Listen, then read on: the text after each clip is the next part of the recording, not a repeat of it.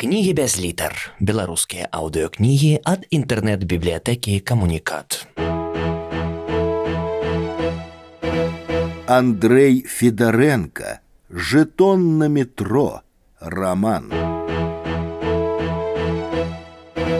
Частка четвертая. Осовец. Раздел одиннадцатый. За чатыры няпоўныя месяцы з канца сакавіка па сярэдзіну ліпеня літаў пачаў імкліва аддаляцца ад жонкі. Ён пазбягаў яе і ўжо нават іранічным тонам не загаворываў з ёю, зусім нічога не расказваў, не тлумачыў, не дзяліўся. Ён нібы злаваў на яе, ці больш на сябе, за тую хвіліну за лішняй шчырасці. Некалькі разоў тэлефанаваў асаве кравец спачатку паведаміў, што не знаходзіць патрэбнага месца, потым, што пачаліся дажджы і ў балацяністую твання ўлезеш, потым, што нечакана ўзяліся за ўмацаванне мяжы. На некаторых участках начаплялі відэакамер, робяць ледзь не жалезную заслону. І ці не задаволіць літава іншае месца, падалей ад мяжы, тады ён падшукае мяжа мяне больш не цікавіць нецярпліва адказаў літаў Сваю гістарычную кнігу ён сяк так скончыў, і цяпер трэба было думаць, што з ёю рабіць. Ён хацеў правесці раут ці фуршет, словам нешта кшталту творчай вечарыны, як ён казаў, прэлюдыю прэзентацыі, на якую планавалася сабраць разам усіх патрэбных людзей, сваіх новых знаёмцаў, у тым ліку і асаўца. Часу яшчэ хапала, вечарына была прызначана на нядзелю 19 ліпеня, але літаў задоўга пачаў насіцца з ёю, падбіраў меню, нават выглядаў на розных сайтах, якое будзе надвор'е, каб ведаць на прыродзе збірацца ці ў памяшканні. Калі шчыра, ён пакуль пісаў, астыў да гістарычнай тэмы, яна надакучыла яму як горкая рэдзька, і цяпер ён быў апантаны зусім новай задумкай. Літаральна за дзень да раута пазваніў аса савец паведаміў нарэшце, што ўсё гатова, падсохла, умовы ідэальныя, суха, добра. Заўтра ж выязджаю. Заадно паможаце мне вырашыць абяцаную справу, нагадаў асавец. Ці не так? Назаўтра у пятніцу раніцай 17 ліпеня 2017 года літаў стаяў пасярод кабінета на другім паверсе, аглядваў стол, шуфляды, бегаў позіркам па кутках, ці не забыў чаго. Тут увайшла ірма. Яна зайшла ў кабінет бледная, рашучая, русая грыўка спадала на лоб, тонкія вусны падціснуты. Я прашу не едь. У мяне вельмі нядобрыя прачуванні. Як ты не разумееш, непрыветна адказаў ён. Я так чакаў гэтага дня. Трэба, трэба ехаць. Мы дамовіліся, ну ірма. Гэта добром не скончыцца. Я прашу, давай, пакуль не позна, з'едзем адсюль. Яшчэ што, цяпер лягчэй ісці наперад, чым вяртацца. Ну, ірма, возьми сябе ў руки. Гэтыя дні табе трэба быць у форме, у нядзелю раут, госці. Прабач, я давала слова не пытаць ні аб чым, але скажы, што з тым тваім злым геніем, з чалавекам, які эміграваў? сто разоў казаў забудься на яго лічы што яго не было ніколі ты замешаны ў гэтым не кажы глупства не бойся я не вораг табе а саюзніца Ён схапіўся за галаву у чым саюзніца гэтага толькі не хапала як я шкадую што сказаў кажу ж не бойся паўтарыла яна я буду маўчаць і не адна жывая душа Так я і ведаў, што гэтым скончыцца. Яшчэ б ты не маўчала. Ды цяперашнім часам не трэба ні фактаў, ні доказаў. Дастаткова паказаць на чалавека пальцам, і яго віна ўяўная ператворыцца ў рэальную. Яна здзьмухнула грыўку з вачэй. А магу і сказаць, калі ты не зменішся, калі не перастанеш гаварыць загадкамі і хаваць ад мяне нешта. Гэта шантаж? ты просто не пакідаеш мне выбару. Ірма, апошні раз прашу, забудь. Яго голас і яго кінуты з-пад лба пагляд нічога добрага не абяцалі. Інакш можа здарыцца, што? Нічога і выйшаў амаль выбег, не развітаўшыся, не пацалаваўшы, не сказаўшы свайго звычайнага на сувязі. Варта было яму выйсці, як плечы ў ірмы апусціліся. У зялёных колеру балтыйскай хвалі вачах з'явілася адчайная рашучасць чалавека, загнанага ў кут. Далі Бог, я зраблю гэта, прошаптала яна, сціскаючы ў руцэ смартфон. Аліта ў хуткім крокам збег з ганка. Было без чвэрці восем раніцы, лісты і трава блішчэлі расой на сонцы, усё пахла, квітнела, шчабятала, радавалася жыццю. Ён пастаяў пасярод двара, каб супакоіцца, прыйсці ў сябе, агледзець яшчэ раз сваю сядзібу. Заўсёды памагала такое сузіранне. Цяпер усё гэта яго ніхто не адбярэ, не скране з месца. Белы дом под зялёным дахам, па самыя вокны абвіты плюшчам і жаночым драбналістым вінаградам. Двор, усе гэтыя альпійскія горачкі, клумбы, курціны. У думках ён пахваліў густ фларысткі, якую запрашала жонка раз на тыдзень кветнікі з ружамі, звычайнымі садовымі, а таксама чайнымі і дзікімі, падобнымі да шыпшыны з садовымі рамонкамі, з дэкаратыўнымі нізкарослымі жоўтымі з чорнай сярэдзінкай сланечнікамі, асобна кусты з бела-зялёнымі шарамі гартэнзій, крыху ніжэй паўз дарожку да басейна агрэст, сімвал мяшчанства. Ён сам пасадзіў некалькі калючых кустоў і цяпер кожную раніцу хадзіў глядзець, як наліваюцца сокам паласа паласатыя бы вялікія каларадскія жукі ягады. Яшчэ ніжэй карлікавыя вішні ростам з чалавека, а пладоў, якія памерамі і смакам больш нагадвалі чарэшні, чым вішні, збіралі з кожнага дрэўца па два вядры.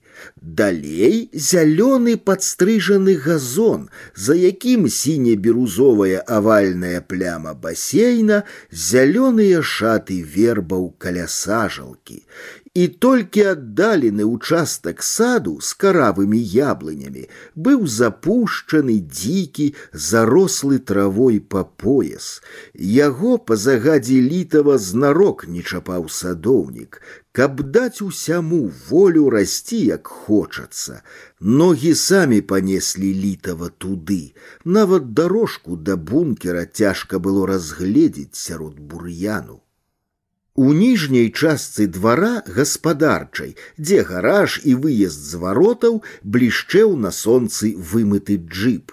Шафёр малады, дужы ў майцы, коротко падстрыжаны з загарэлай шыяй і нават патыліцай, курыў, адышоўшы да агароджы у бок пускаючы дым і нават рукой яго адганяў бы адмахваўся ад камароў, разумеючы, што псуе гэтым дымам такі свежы ранак. Літаў падышоў да яго. Чакалі яшчэ аднаго пасажыра, доктаравага сына хрысціяна Шнейдера, які, даведаўшыся ад бацькі пра паездку літава, папрасіў падвесці да парычаў, як ён растлумачыў паром пафоткаць. Гэты хрысціян, фатограф, фрылансер, калумніст, прадстаўнік моладзевага нацыянальна-патрыятычнага руху меў за плячыма ўжо 20 гадоў, але як усе цяперашнія маладыя быў да смешнага інфантыльны. Літаў сышоўся з ім яшчэ зімой, Пару разоў яны разам хадзілі на літаратурныя імпрэзы, дзе літаву вельмі спадабалася. Ён зразумеў, што дарэмна так ужо камплексуе наконт свайго няведання мовы. Маладыя тутэйшыя беларусы ведалі яе прыкладна на тым жа ўзроўні, што і ён, не малады ўраджэнец цэнтральнай рассіі. З той толькі розніцай, што ніхто асабліва гэтым не замарочваўся.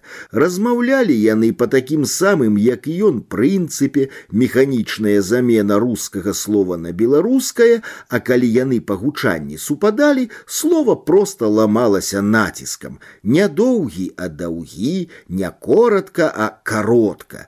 Літаў, наслухаўшыся, нават пачаў сумнявацца. Можа, гэта ён гаворыць правільна, а яго рэдактары настаўнікі рак з самусенкам памыляюцца, не можа ж быць, каб усе ішлі ішлі не ў нагу, а два чалавекі ў нагу. На гэта самусенка ему адказаў, што мала мець у галаве Google Translate. Трэба адчуваць прыродныя законы мовы, паводле якіх яна існуе, і тады яна зможа развівацца нават аўтаномна, незалежна ад таго, гаворыць на ёй чарка шкварачнае насельніцтва ці не. Літаў вырашыў адкласці разборку гэтых філалагічных тонкасцей на потым. Хрысціян з'явіўся па-нямецку дакладна, секунда ў секунду без пяці восем. У шортах, кедах, у чорнай майцы з чырвонай пагоняй, па знешнасці класічны сын сваёй нацыі, цыбаты, руды, кірпаты, залаціста кучаравы з рассыпаным па скулах і па носе рабаціннем. Роўна в восемь выскачылі з горада. Шафёр, ведаючы, што літаў не любіць кандыцыянер, опустил шкло. Ветрык, лёгкі, духмяны, летні. Ні ў якае параўнанне не ішло з тым, як літаў ездзіў адзін зімой. І чым далей ад мінска, тым лягчэй рабілася яму. Каб не вісела над душой гэтая ірма, усё астатняе складваецца цудоўна. Ён нарэшце матэрыяльна незалежны. Кніга яго гістарычная гатова.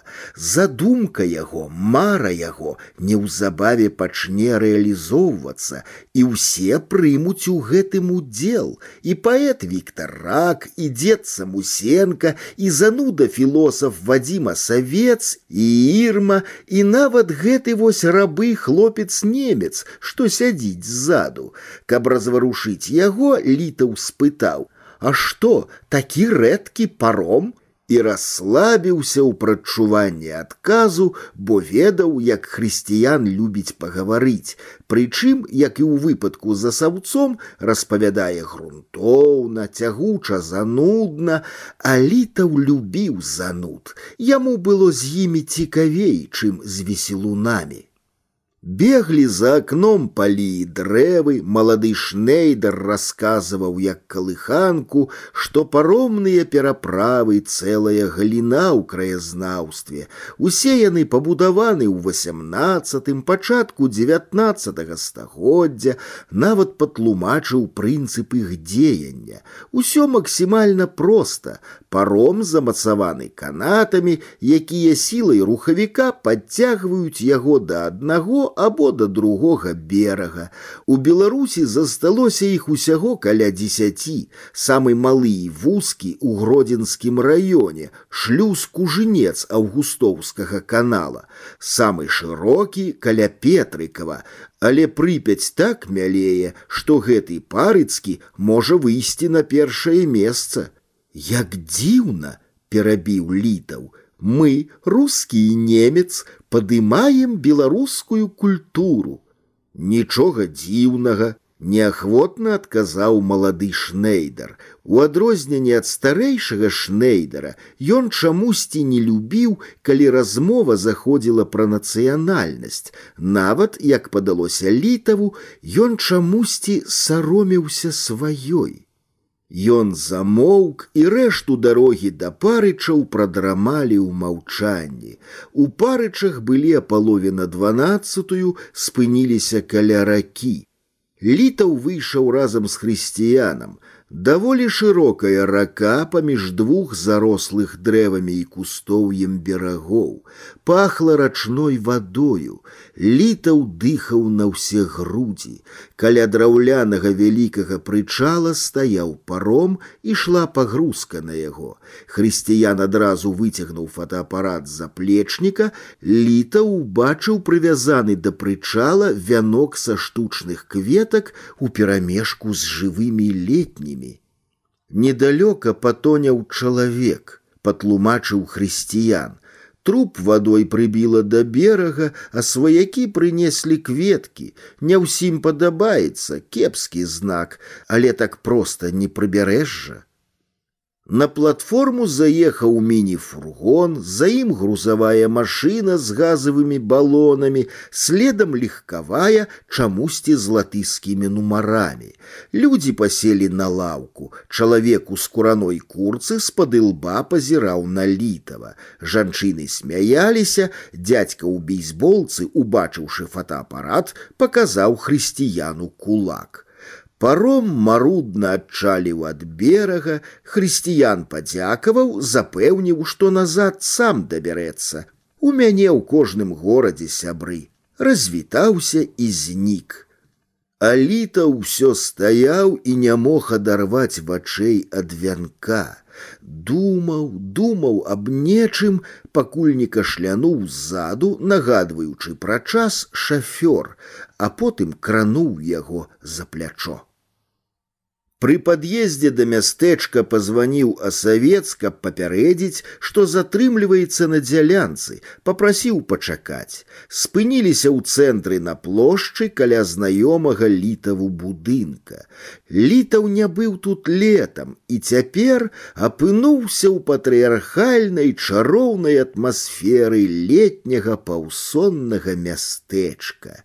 З узвышанай плошчы відаць былі чырвоныя дахі сярод зі зеляніны садоў, стары таўсценны вяз, літаў не адразу прызнаў, што гэта тое самае тоўстае, як баабаб дрэва, якое зімою падалося яму скалечаным і мёртвым.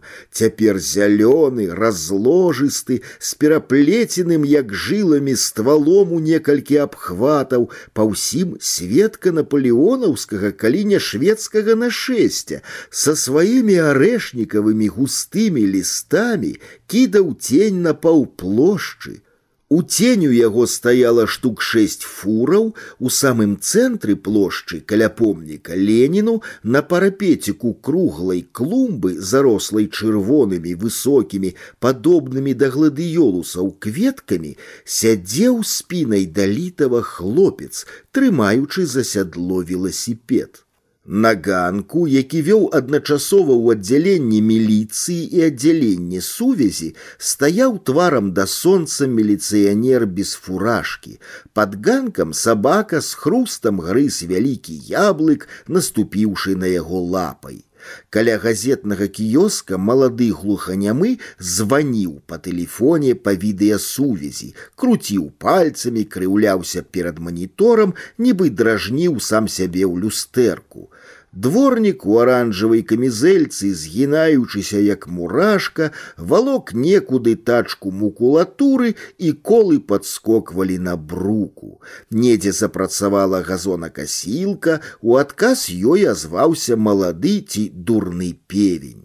Літаву ўспомнілася недзе чытанае, калі певень спявае ў дзень да бяды а да кенца аўтастанцыі адышла блізарука праз акуляры разглядваючы білет дзяўчынка школьніца 15-16 гадоў у белай маіцы чырвонай спадніцы да каленяў і белых красоўках Светлыя, выпаленыя сонцам да рудога колеру кароткія валасы пасма спадала на акуляры.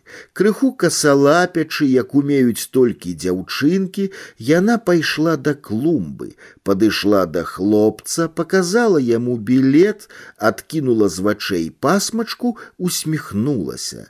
На фоне чырвоных кветак сальвіі успомніў літаў, ды яшчэ падкрэсленыя чырвонай спаднічкай, яе цнатлівыя ногі з белымі каленямі падаліся літаву неверагодна прыгожымі.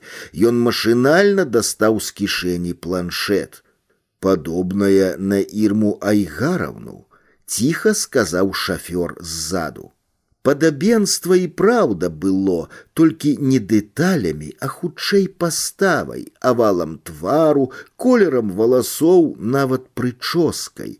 Але на дзяўчынцы выразна ляжаў той ледзь улоўны флёр абаяльнасці, налёт дзіцячай мілаты, якіх ужо не было на ірме, той самы флёр, які не першы раз жанаты літа уведаў гэта не з тэорыі, а з практыкі, на жаль, так хутка знікае, як рачная свежасць, як туман крануты ветрам. Яна спінай адчула, што на яе глядзяць, падняла галаву, яна паглядзела на літава уважліва, прыязна, як на старога добрага знаёмага. Вусны яе варухнуліся, нібыта яна хацела нешта сказаць, ды стрымалася. Хлопец таксама цераз плячо азірнуўся на літава. Што, дядька? Гадоў двадцать пять, высунутая ўперад ніжняя квадратная сківіца, непрыемная нахабная ухмылка, на пульхных чырвоных, амаль дзявочых вуснах малочная сліна. Бойкія вадзяністыя вочы глядзяць прыжмурана і разам з тым пільна, нібы вызначаюць цану, якім спосабам цябе можна абдурыць, а не атрымаецца дык адабраць сілаю маю сястру бясплатна не здымаюць.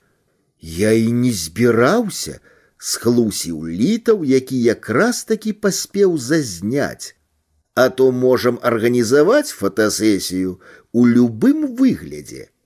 Літаў хацеў апраўдвацца, хацеў сказаць, што ў яго ўжо свае і дарослыя і малыя дзеці, але не сказаў, а чамусьці яшчэ больш збянтэжыўся. Раскаваны ў адносінах з раўнагодкамі, з моладдзю ён ужо саромеўся свайго ўзросту. Ён нічога не сказаў, адвярнуўся і пайшоў да машыны. Багатенькі, пачуў ён за спінай.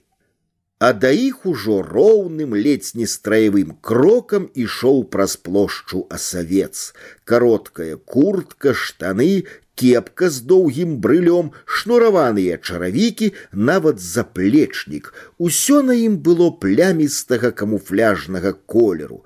Бізнес кэжуал прыйшло літаву ў галаву мо таму што сёння была якраз пятніца яму падалося што з зімы пакуль яны не бачыліся а савец і паспрытнеў і памаладзеў з роўнай шчацінкай на шчоках і барадзе без прыкмет сівізны да таго ж яму пасавала гэтая амаль вайсковая форма як і паўгода назад быў ён сур'ёзны і не міргаючы строга пазіраў на літава. Павітаўшыся, прапанаваў спачатку паабедаць. Заадно вырашым маю справу, ці не так, а потым ехаць аглядаць востраў. Няўжо нарэшце я пабываю ў славутым рэстаране, на душы ў літава было амаль радасна. З той хвіліны, як ён убачыў дзяўчынку, настрой у яго не проста палепшыўся, а як бы нават крыху взвінціўся. Шафёр пайшоў разам з імі. Перад тым, як падняцца на ганак, літаў азірнуўся. Дзяўчына ішла па вуліцы ўніз ад плошчы, хлопец марудна ехаў побач на веласіпедзе. Адна рука на рулі, другая ў дзяўчыны на плячы. а савец прасачыў за яго позіркам.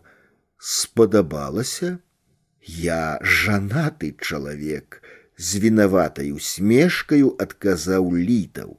Вы яе ведаеце? Хто яе не ведае, між іншым гэта моя будучая падчарка, люда, ці як усе завуць проста лю. Вось як, а гэты з ёю брат? брат гмыкнуў асавец Ён такі ж ёй брат як я яму сват турма па ім плача Яна купляла білет так у нядзелю едзе да сяброўкі ў мінск будуць разам паступаць пачакайце як у нядзелю але ж і вы таксама выязджаеце ў нядзелю нагадаў літаў мы чакаем вас на рауце. Спадзяюся, вы не перадумалі, будете ў мяне. Абавязкова. Тады чаму яна не з вами? А савец буркнуў нешта, і літаў не стаў распытваць.